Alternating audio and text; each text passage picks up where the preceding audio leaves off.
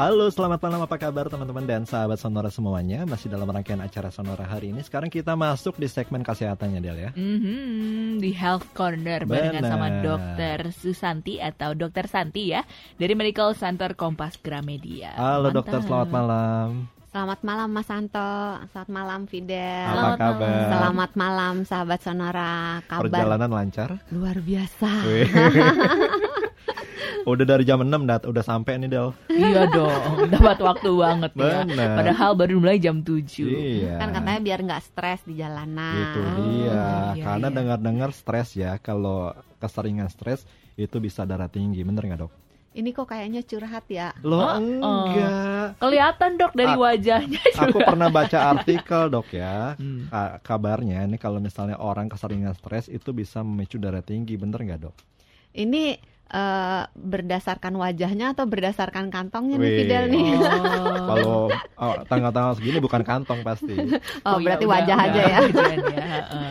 Iya, memang pada dasarnya stres itu meningkatkan tekanan darah Heeh. ya.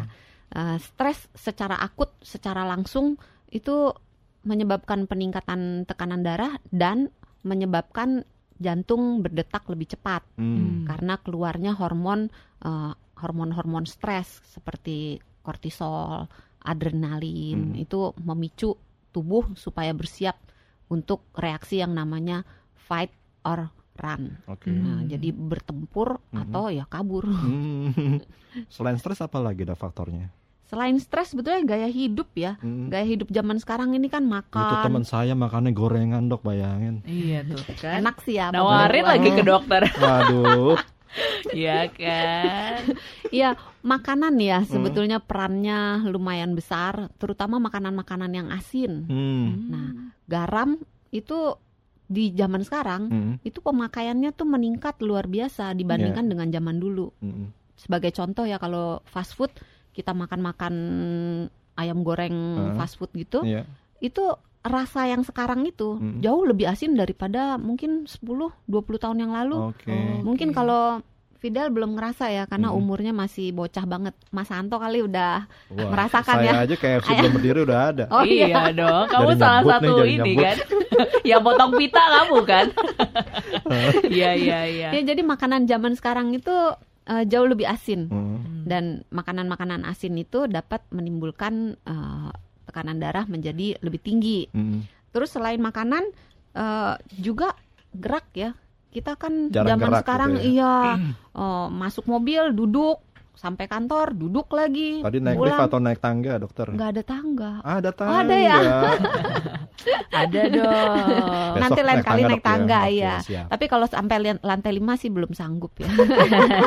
Mungkin satu sampai tiga masih Boleh, bisa, boleh. tiga ke lima naik Iya. lift ya. Terus olahraga juga, olahraga by the way beda ya dengan uh, aktivitas fisik ya. Hmm. Olahraga itu sesuatu yang uh, ada tujuannya, Ya. ada aturannya, ada Hmm. pemanasan, ada peregangan, Hmm. ada latihan inti, ada pendinginan. Jadi Hmm. kalau kita sekedar naik tangga itu dikategorikan sebagai aktivitas, Aktivitas, fisik. Iya. bukan olahraga ya. Ah, ya baik sih, Hmm. hanya belum cukup Iya. Uh, olahraga yang harus ditambahkan juga selain aktivitas fisik. Hmm. Selain itu, stres tadi Iya. ya kalau dikelola dengan baik, stres itu sebenarnya tergantung bagaimana respons kita karena stres itu bukan berarti sesuatu yang buruk buat badan kita. Betul. Nah, karena misalnya kita dapet tantangan di kerjaan, Di challenge ya. oh di challenge, nah Heeh. itu kan menimbulkan stres Hmm. juga, tapi efeknya baik. gitu. Positif. positif Oh. gitu.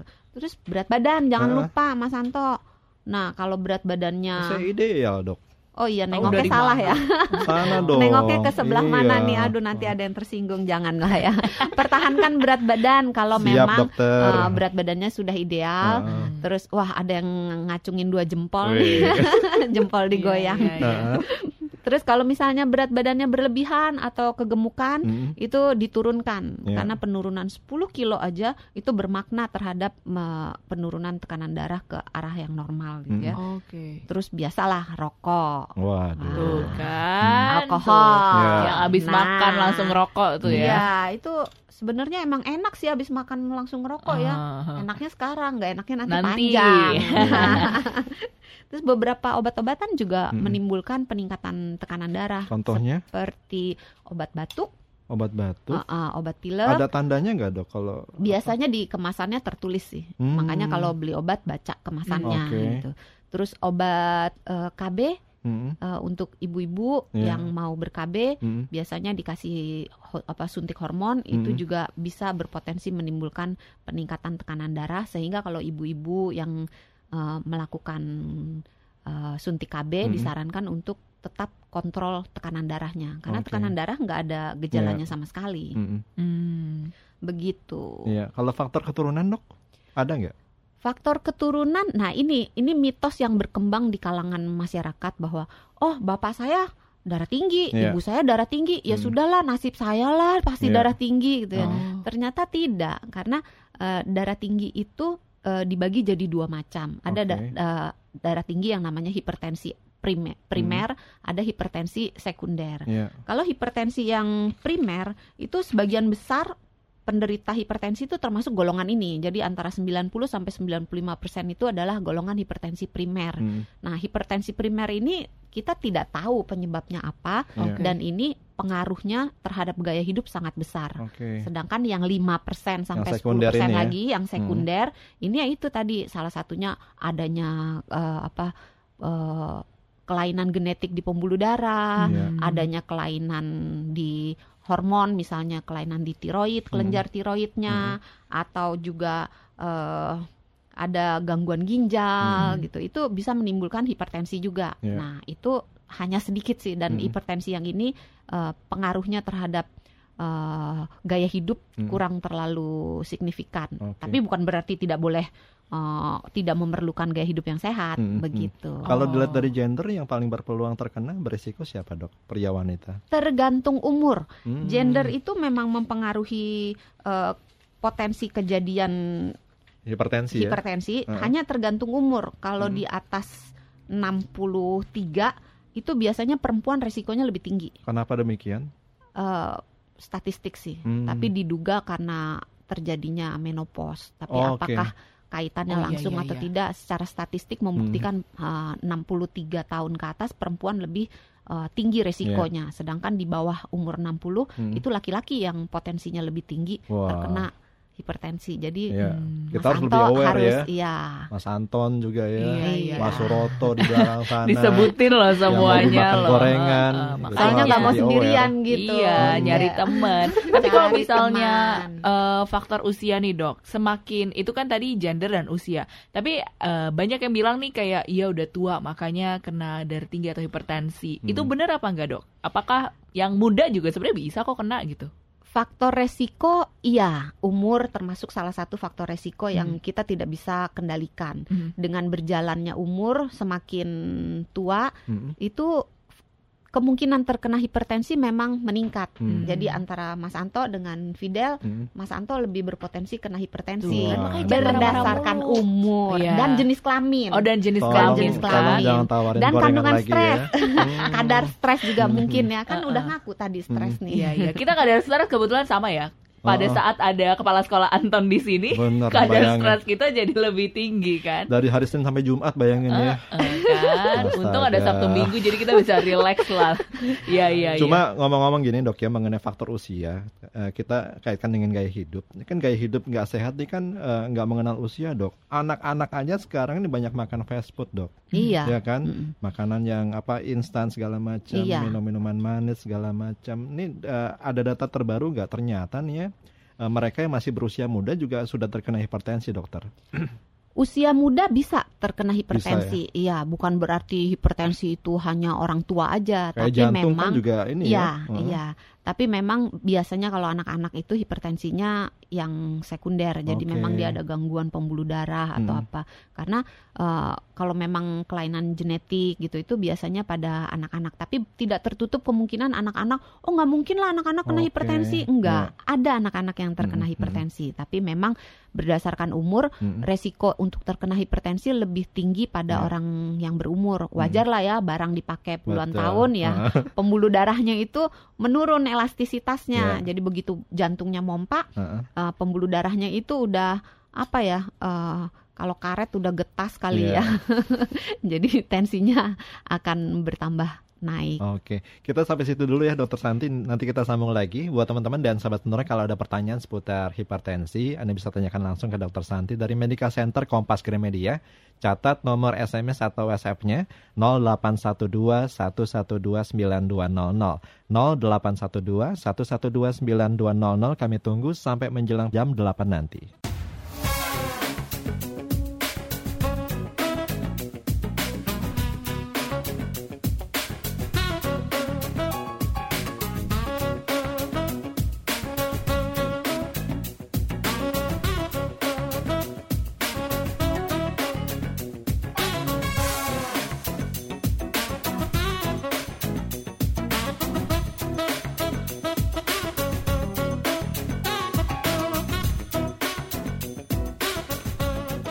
Kita masih bersama Dr. Susanti dari Medical Center Kompas Gramedia di acara Health Corner. Dan Gak cuma bisa didengerin lewat radio Sonora, streaming juga bisa lewat aplikasi, juga bisa ditonton langsung lewat Instagram Live ya, at Sonora FM 92, dan juga YouTube uh, Sonora FM. Jadi wajah-wajah kita kelihatan ya? Kelihatan. Udah gitu aku gak make up lagi hari ini. langsung drop. Tetap Iya, cantik. iya, iya. Langsung Terima stres, darah tinggi naik dok. Beauty secara natural, apa natural. Makasih ya dok ya. Nah lanjut lagi dok soal hipertensi dokter. Ini katakanlah bagi mereka yang sudah terkena hipertensi kan pengen tahu dok ya. Ini gejala-gejala atau tanda-tanda awalnya apa sih dok? Nah, itu yang mengerikan dari hipertensi. Heeh. Hipertensi itu nama kerennya The Silent Killer. Wih. Waduh. Itu bukan judul film ya? Bukan Hmm. thriller banget ya. Serem ya. Karena dia pembunuh diam-diam dalam arti eh, tidak menimbulkan gejala yang jelas. Heeh. Jadi orang tuh nggak tahu kalau dia kena hipertensi. Oke. Hmm. Karena gejala-gejalanya ditanya Dada berdebar.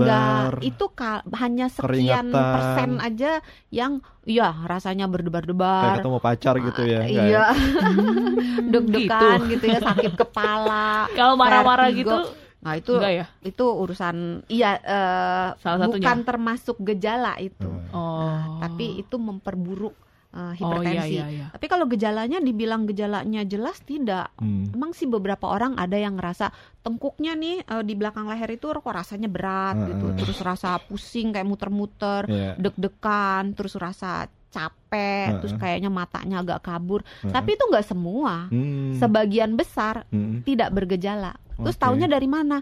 Periksa. Itulah Hmm. sebabnya setiap orang dewasa Heeh. dianjurkan untuk melakukan pemeriksaan tekanan darah paling Hmm. tidak setahun sekali. Oke. Atau kalau males banget ya dua tahun sekali lah, jangan Hmm. lebih dari dua tahun sekali, Hmm. karena Oh. tidak ada gejala yang jelas. Nah, setelah diperiksa yang normal berapa? Di Indonesia kita memakai patokan normal itu kalau angka atasnya atau angka sistoliknya itu Hmm. di bawah 140. 140. Sistoliknya 140, Hmm. diastoliknya atau angka yang di bawah itu di bawah 90. Hmm. Kalau Oke. yang enggak ini yang nggak normal, Yang nggak normal di yang atas sudah hipertensi di atas itu berarti. jadi 140 itu sudah kita anggap sebagai uh, 140 per 90 sudah kita anggap sebagai hipertensi. Oke. Hmm, oke, Begitu. oke, oke. Ini katakanlah mereka yang sudah terkena hipertensi dok ya. Eh, kadang-kadang kan mereka suka menyepelekan ya penyakit yang satu ini. Oh, ntar juga apa sembuh sendiri gitu. Nah kalau mereka menyepelekan dampak ke depannya apa nih dok? Nah, Kabarnya ini ini bisa ke mana-mana loh penyakitnya. iya dampaknya itu sesuai dengan darah mengalir. Hmm. Ke mana darah mengalir ya Sampai dia jauh membawa dok ya. ya mengalir sampai jauh iklan Hmm. banget ya. Jadi ke mana darah mengalir ya ke mana dia merusak Hmm. karena tekanan darah itu eh, tekanan yang ada di pembuluh darah. Iya. Kalau dia terus menerus tinggi dalam jangka waktu lama, Hmm. ya dia bisa merusak pembu- dinding pembuluh darahnya itu sendiri. Iya. Nah, tergantung dia rusaknya di mana. Hmm. Kalau misalnya rusaknya di jantung, Hmm. ya berpotensi menimbulkan penyakit jantung koroner, Oke. terus Oke. berpotensi menimbulkan penebalan otot jantung Hmm. karena tekanannya tinggi, jantungnya Iya. kan mompaknya harus kuat Hmm. sehingga ototnya jadi tebal. Hmm. Kalau ototnya tebal, kerjanya tidak efisien, Iya. bisa sampai ke gagal jantung. Hmm. Kalau ke mata bisa menimbulkan mulai yang matanya agak burem-burem, Hmm. yang mulai penglihatannya menurun, Hmm. Hmm. sampai ke kebutaan. Iya. Bisa sampai buta Hmm. hanya gara-gara hipertensi. Hipertensi. Iya, Hmm. Ya yang ampun. tidak terkontrol ya. Iya. Terus kalau dia kenanya ke otak, ya bisa menimbulkan ada yang namanya TIA. TIA itu eh, transient ischemic attack. Jadi stroke yang mini. Jadi Hmm, mini hmm. stroke dia hanya sekejap aja otak tidak mendapatkan darah, Mm. terus dapat lagi gitu. Nah Oke. itu termasuk salah satunya penyebabnya dari hipertensi itu. Hmm. Bisa Oh. sampai stroke kalau Iya. memang hipertensinya itu tekanan darahnya sangat tinggi, Hmm. pembuluh darahnya pecah, Hmm. ya stroke. Oke. Pantes Terus- ya banyak yang hipertensi terus eh, kenapa eh, apa banyak yang stroke pas ditanya karena hipertensi awalnya. Iya, oh. pecah pembuluh darahnya. Iya, iya, Bisa iya. menyebabkan gangguan ginjal juga. Iya. Kalau Banyak dia banget. Iya, kan itu ke mana darah mengalir. ke mana darah ya ya ya. Bisa menyebabkan gangguan ginjal, bisa sampai gagal ginjal. Jadi Hmm. ginjalnya benar-benar tidak berfungsi. Mhm. Bisa juga menyebabkan eh, sexual dysfunction. Oh. Wah, gangguan. Nah, itu jangan dibahas ya. Nengoknya salah ya, nengoknya Iya. mestinya ke Mas Ah, Anto bingung ya. ya. Jangan nengok ke Fide. Nanti nggak konsen kuliahnya dokter. Iya. Iya, iya. Iya. Padahal nggak nyambung nih sama kuliah. terus terus dok.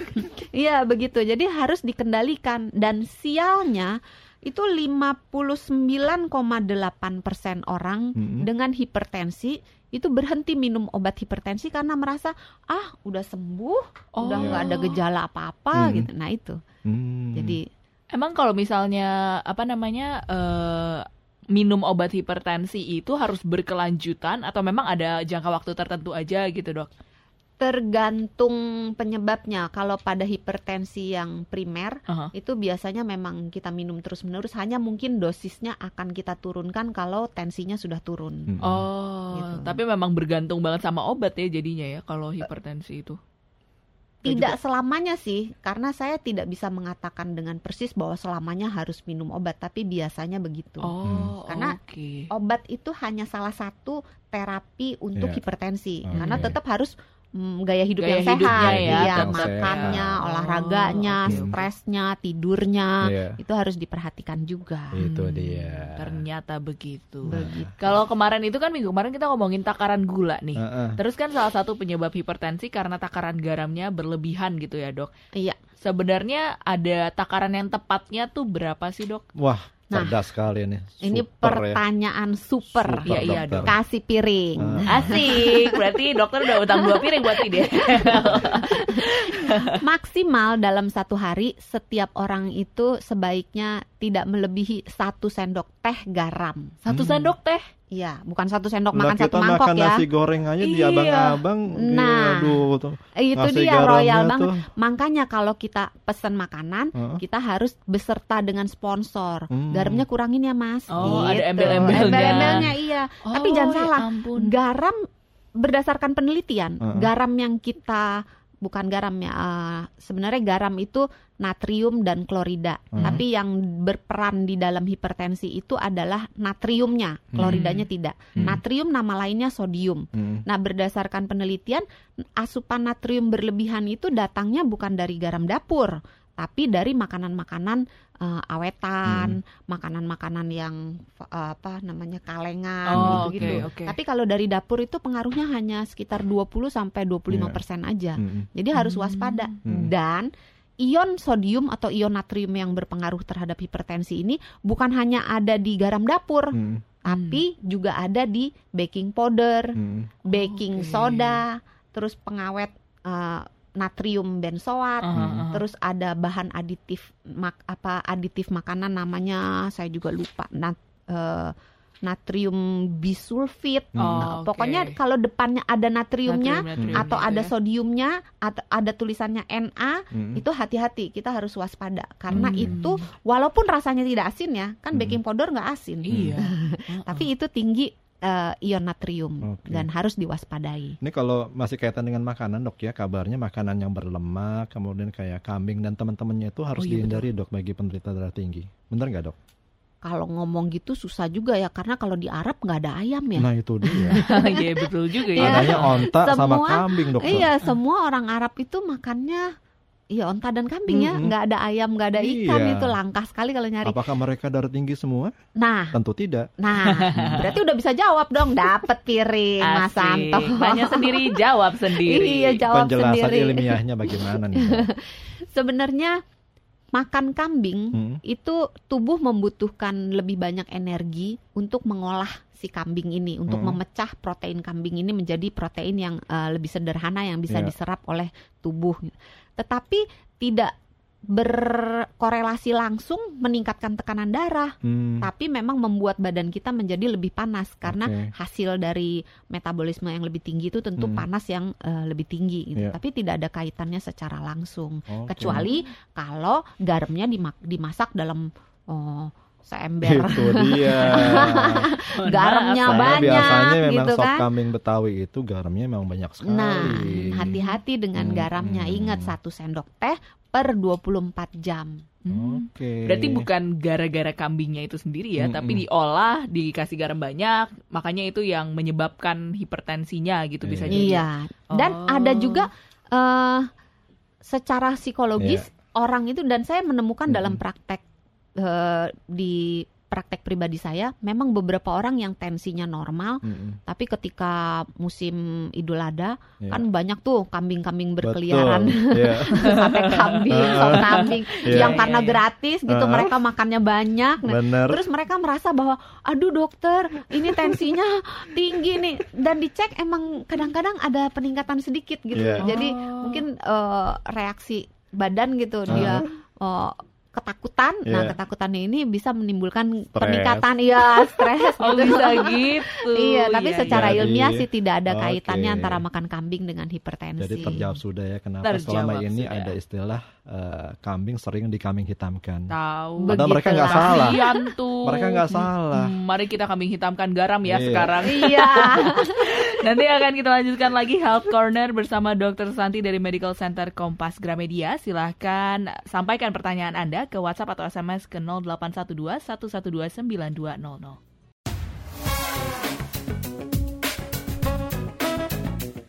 Oke, masih di acara Health Corner bersama dengan Fidel, kemudian Anton dan saya Anto dan tentunya Dr. Susanti dari Medical Center Kompas Gramedia. Kita masih bicara banyak mengenai apa itu hipertensi. Pertanyaan bisa teman-teman sampaikan ke nomor SMS atau WhatsApp-nya Sonora 0812 112 9200. Oke, akan kita bacakan dulu pertanyaan pertama dari Pak Denny di Serpong. Uh-huh. Kalau tensi 140 per 100, Ya. makan amlodipin, betul kan dok bacanya? Betul. Eh, amlo- amlodipin 5 gram, tapi nggak beda jauh. Paling 130 per 90. Apa yang harus diminum lagi dok?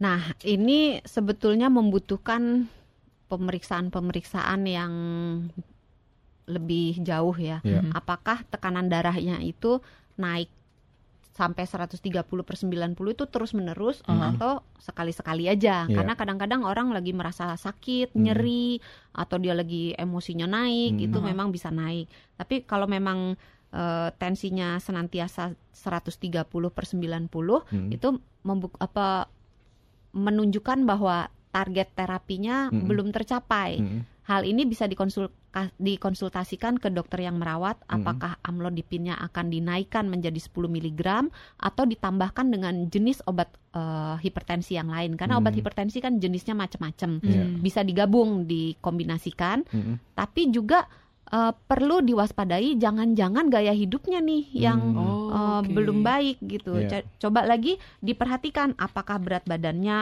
Hmm. berlebihan Mhm, atau tidak mhm, gitu. mhm. Karena perlakuan terhadap uh, gaya hidup mempengaruhi tekanan darah gitu. Mhm. Misalnya kita nurunin berat badan, kita turunin 10 kilo dari berat badan kalau Hmm. berat badan kita berlebih, Iya. itu tekanan darah turun antara 5 sampai 20 points. Oh, drastis juga ya. Drastis. Heeh, Heeh, heeh. tapi yang atas ya.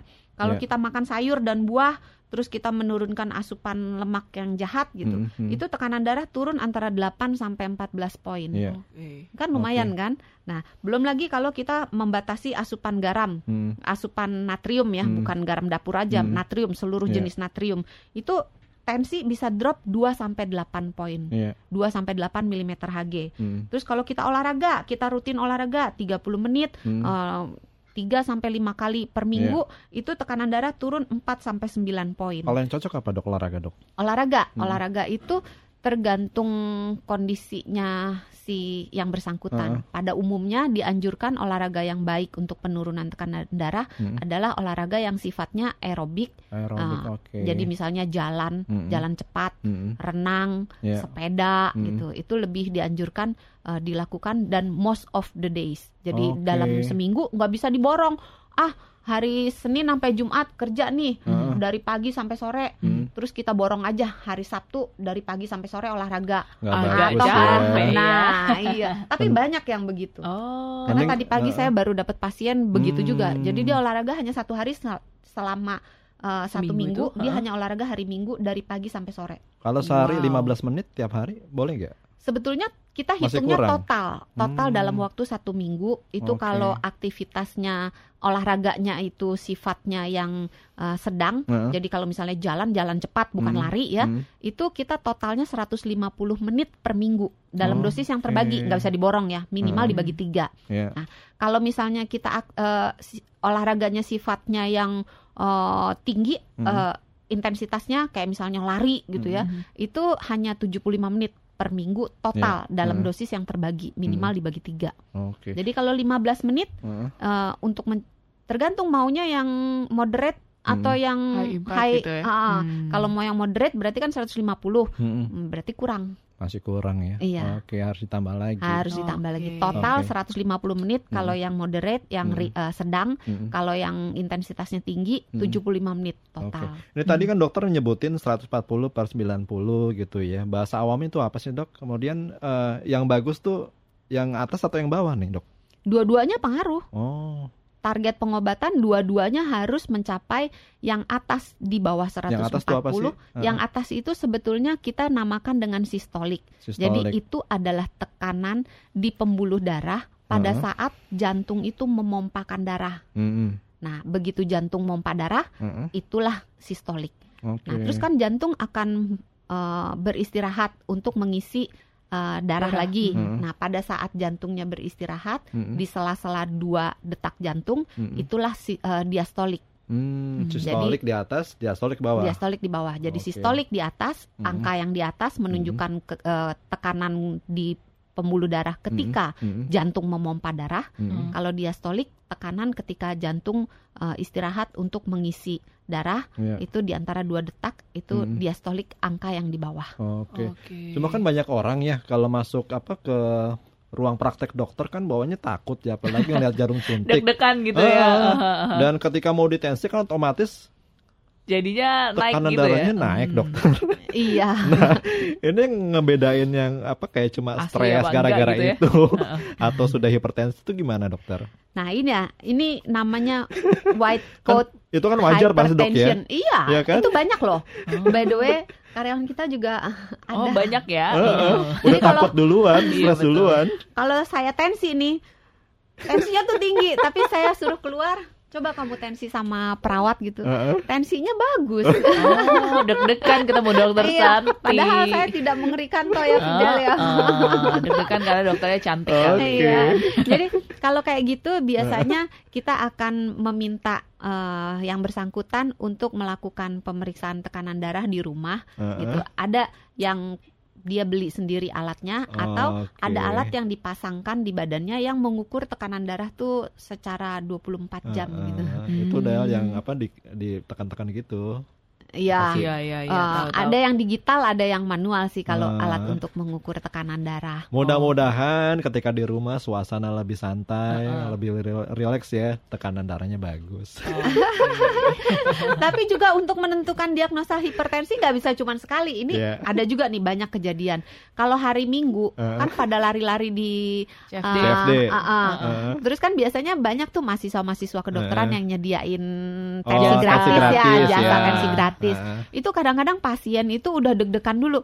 Dokter, saya kemarin di tensi, tensi saya 160 per Heeh. 90, Iya. saya hipertensi ya gitu. Nah, kadang-kadang itu membuat uh, Hmm. ketakutan yang berlebihan Iya. karena hipertensi itu tidak bisa tegak uh, dengan hanya satu kali pengukuran. Apalagi Oke. dia habis lari-lari, Habis olahraga. olahraga kan, dia habis Detak lari-lari, jantungnya cepat detak jantungnya otomatis. naik, o- otomatis tekanan darahnya naik gitu. Hmm. Jadi Oh. biasanya kita ulang tiga kali Iya. dengan pengukuran tiga kali dengan jarak yang berbeda Hmm. itu dalam keadaan istirahat, bukan Iya. dalam keadaan olahraga gitu iya. ya. Kamu dites aja kamu sekali-sekali ya. Lari Eh, dikejar loh. anjing deh. Oh. Langsung tinggi deh. Heeh.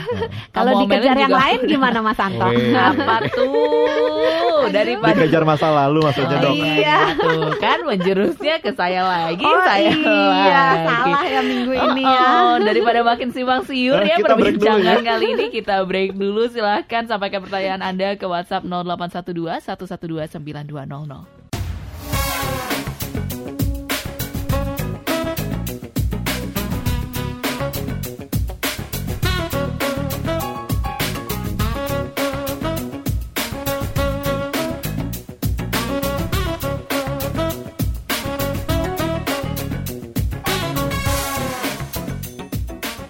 Oke, kita lanjut lagi di acara Health Corner bersama dengan Dr. Susanti dari Medical Center Kompas Gramedia. Kita masih bicara mengenai hipertensi.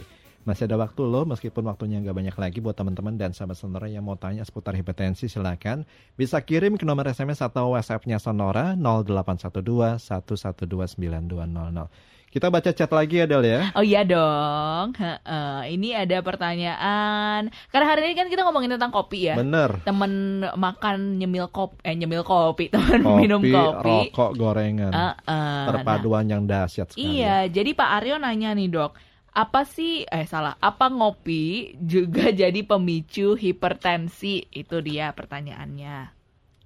Sebenarnya kopi di dalam kopi itu ada kandungan kafein. Hmm. Kalau dia ngopinya yang kafeinnya sudah dibuang, Hmm. sebetulnya nggak apa-apa. Ya. Tapi kalau dia kopinya yang dengan kafein harus Hmm. diperhatikan jangan banyak-banyak. Hmm. Jadi maksimal ya kalau eh, laki-laki mungkin 2 sampai 3 cangkir, Ya. kalau perempuan 1 sampai 2 cangkir per hari Hmm. masih oke gitu. Hmm. Karena kafein memang meningkatkan tekanan darah, Ya. tetapi eh, kalau cuman sekali-sekali minumnya tidak Nggak masalah ya. nggak masalah Oh, oke, gitu. oke. Oke, lalu ada pertanyaan dari Pak Habibie nih. Ini mungkin sedikit Pak Habibie. Bukan Pak BJ Habibie ya, Oke. jadi bikin saya kaget. shock ya. Nanti aku darah tinggi loh, kebanyakan Hmm. kaget. Eh nyambung gak sih dok? Nggak ya? nyambung, Oh nyambung. kita sambungin aja semua. Oh iya, makasih. Iya.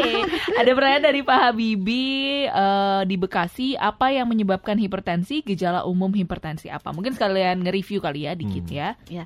Hipertensi itu seperti yang tadi awal dijelaskan bahwa hipertensi terdiri dari dua macam. Hmm. Ada hipertensi primer yang sebagian besar Aha. diderita oleh eh, masyarakat itu tidak diketahui penyebabnya apa. Oke. Sedangkan hipertensi yang sekunder itu biasanya ada penyakit yang mendasarinya, Hmm. misalnya adanya gangguan ginjal, ada kelainan di kelenjar tiroid, Hmm. ada kelainan di pembuluh darah, Hmm. atau ada asupan obat-obatan yang menyebabkan peningkatan Ya. tekanan Hmm. darah seperti tadi obat beberapa jenis obat batuk Hmm. pilek, beberapa alat kontrasepsi, ada kokain, Iya. ada amfetamin, jadi obat-obatan gitu.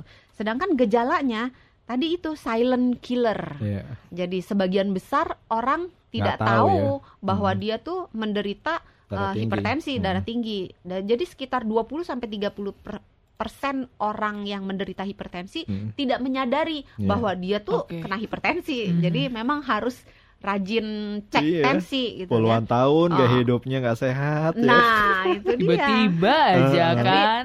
Beberapa orang memang merasakan gejala, Iya. gejala-gejala yang mungkin dirasakan Uh-uh. itu sakit kepala, Oke. terus eh, tengkuknya ini rasa berat, Uh-uh. kenceng gitu ya, Heeh. vertigo, rasa pusing yang muter-muter, Iya. deg-degan, berdebar-debar, Heeh. terus eh, cepet capek, Iya. terus penglihatan mulai kabur, Heeh. terus telinga rasanya kayak berdenging gitu.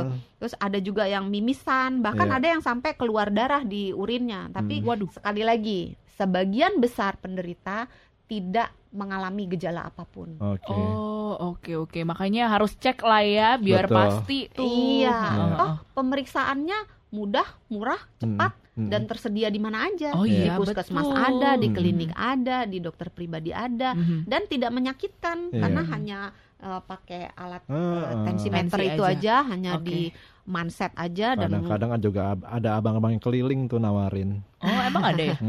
Ada. Jasa gitu ya? Oh, Ada. oke oke. tapi eh, ke dokter aja Iya, ke ya, dokter aja belum lah. pasti. kecuali gitu kalau yang kan. abang-abangnya itu mantan dokter gitu ya. Iya. Tapi kasihan amat ya udah katanya setaraf dengan tukang parkir. Kan?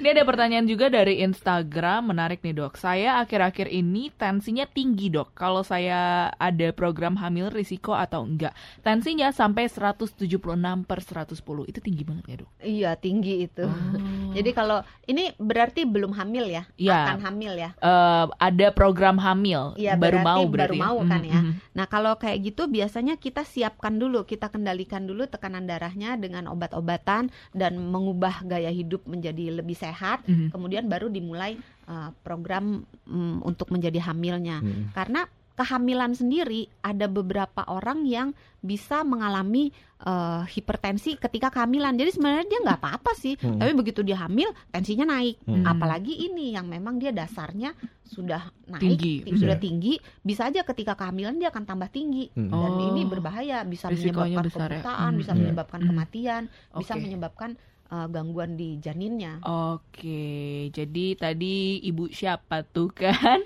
Silakan dicek dulu ya. Aku iya, lupa ada di Instagram dikonsultasikan ke soalnya. Iya. dokternya. Ya ya ya. Lalu ada lagi pertanyaannya banyak ya.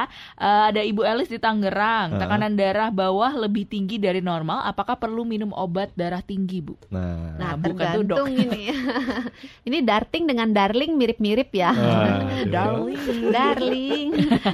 Jadi eh, target pengobatan tekanan darah tinggi itu tetap angka atas dengan angka bawah harus di bawah 140, yang Mm. bawah di bawah 90. Jadi kalau Oke. atasnya normal tapi bawahnya tinggi, ya tetap harus Hmm. diturunkan Hmm. dengan mungkin hanya cukup dengan modifikasi gaya hidup Iya. yang tadinya tidak sehat Mm. menjadi gaya hidup yang lebih sehat Mm. atau jika tidak be- eh, tidak bermanfaat, tidak menurunkan tensi juga ya Mhm. terpaksa harus dengan obat-obatan. Oke. Cuma ngomong-ngomong nih hipertensi bisa disembuhkan nggak sih dok? Hmm, tergantung hipertensinya primer atau sekunder. Sekunder. Kalau Hmm. sekunder, kalau underlying disease-nya jadi penyakit yang mendasarinya kita bereskan, Iya. hipertensinya biasanya beres. Oke. Tapi kalau primer biasanya sih eh, Hmm. Sulit ya? terkendali aja. Iya. Oh, oke. Bisa oke. dikendalikan sehingga Mm. ya tekanan darahnya sama seperti orang normal, kualitas hidupnya sama seperti Hmm. orang normal. Hanya mungkin gaya hidupnya yang berbeda Oke. atau mungkin dia perlu tambah obat eh, Hmm. penurun darah tinggi. Oke, lanjut ya ke pertanyaan lagi. Yang ini lengkap nih, Pak Henry 52 tahun sampai menyertakan tinggi dan berat badan 172 cm, 68 kg. Pertanyaannya, atorvastatin acid, apakah itu obat hipertensi dan maksimal berapa miligram takarannya per hari? Atorvastatin itu adalah obat penurun kolesterol, Oh, oke. bukan obat hipertensi. Ya, Hmm. saya sekali Pak. Henry. Hmm, Oke, oke.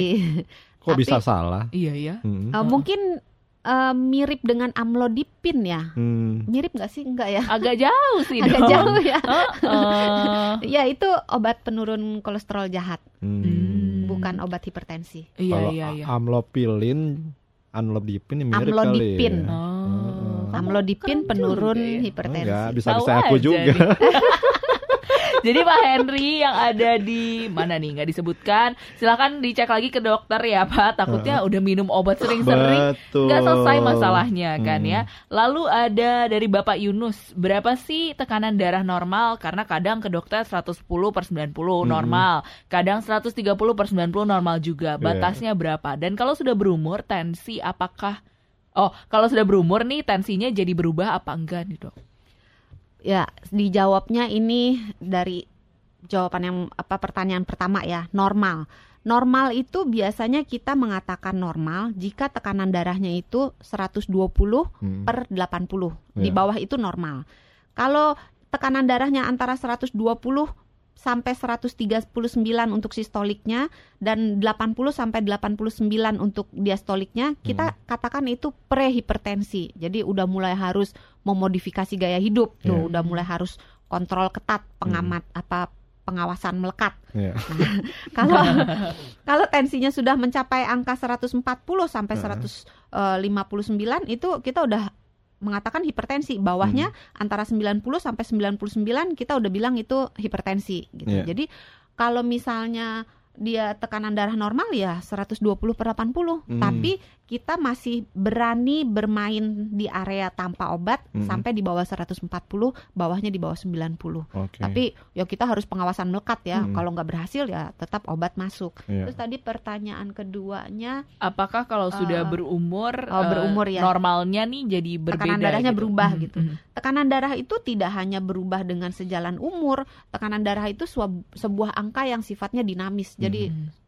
Pagi saya misalnya 120 per Iya. 80, siang mungkin karena stres Hmm, kerjaan, pe- perjalanan dan sebagainya bisa aja naik jadi 130 Hmm, gitu. iya. Jadi tekanan darah itu bukan merupakan angka yang konstan, tetapi dengan berjalannya umur, bertambah usia memang tekanan darah eh, biasanya bertambah meningkat Iya. eh, karena itu elastisitas pembuluh darah Iya. menurun karena ya namanya barang dipakai puluhan tahun ya. Betul, dokter. Ini Oke, nggak oke. terasa waktu kita hampir habis, dokter. Mhm. Mungkin 30 detik, dokter menyampaikan tips buat teman-teman dan sahabat Sonora. Eh, buat teman-teman sahabat Sonora, baik sekali jika kita melakukan pemeriksaan tekanan darah Mm-mm. secara rutin, Iya. paling tidak 1 sampai 2 tahun sekali, Heeh. karena tekanan darah tinggi tidak menimbulkan banyak gejala. Ya. Terus untuk mencegahnya, miliki gaya hidup sehat yang meliputi pola makan yang baik, Mhm. yang rendah lemak, rendah gula, terus melakukan aktivitas fisik. Jadi jangan duduk aja setiap Hmm. hari. Terus ra- apa rutin olahraga. Terus kendalikan berat badan. Kalau Hmm. berat badannya berlebihan atau kegemukan, turunkan sampai ke berat badan ideal. Ya. Terus kendalikan stres. Kelola tuh stres kan tadi Benar. udah ngomongin tentang Ya. stres panjang dan lebar. Terus hindari rokok dan Hmm. alkohol.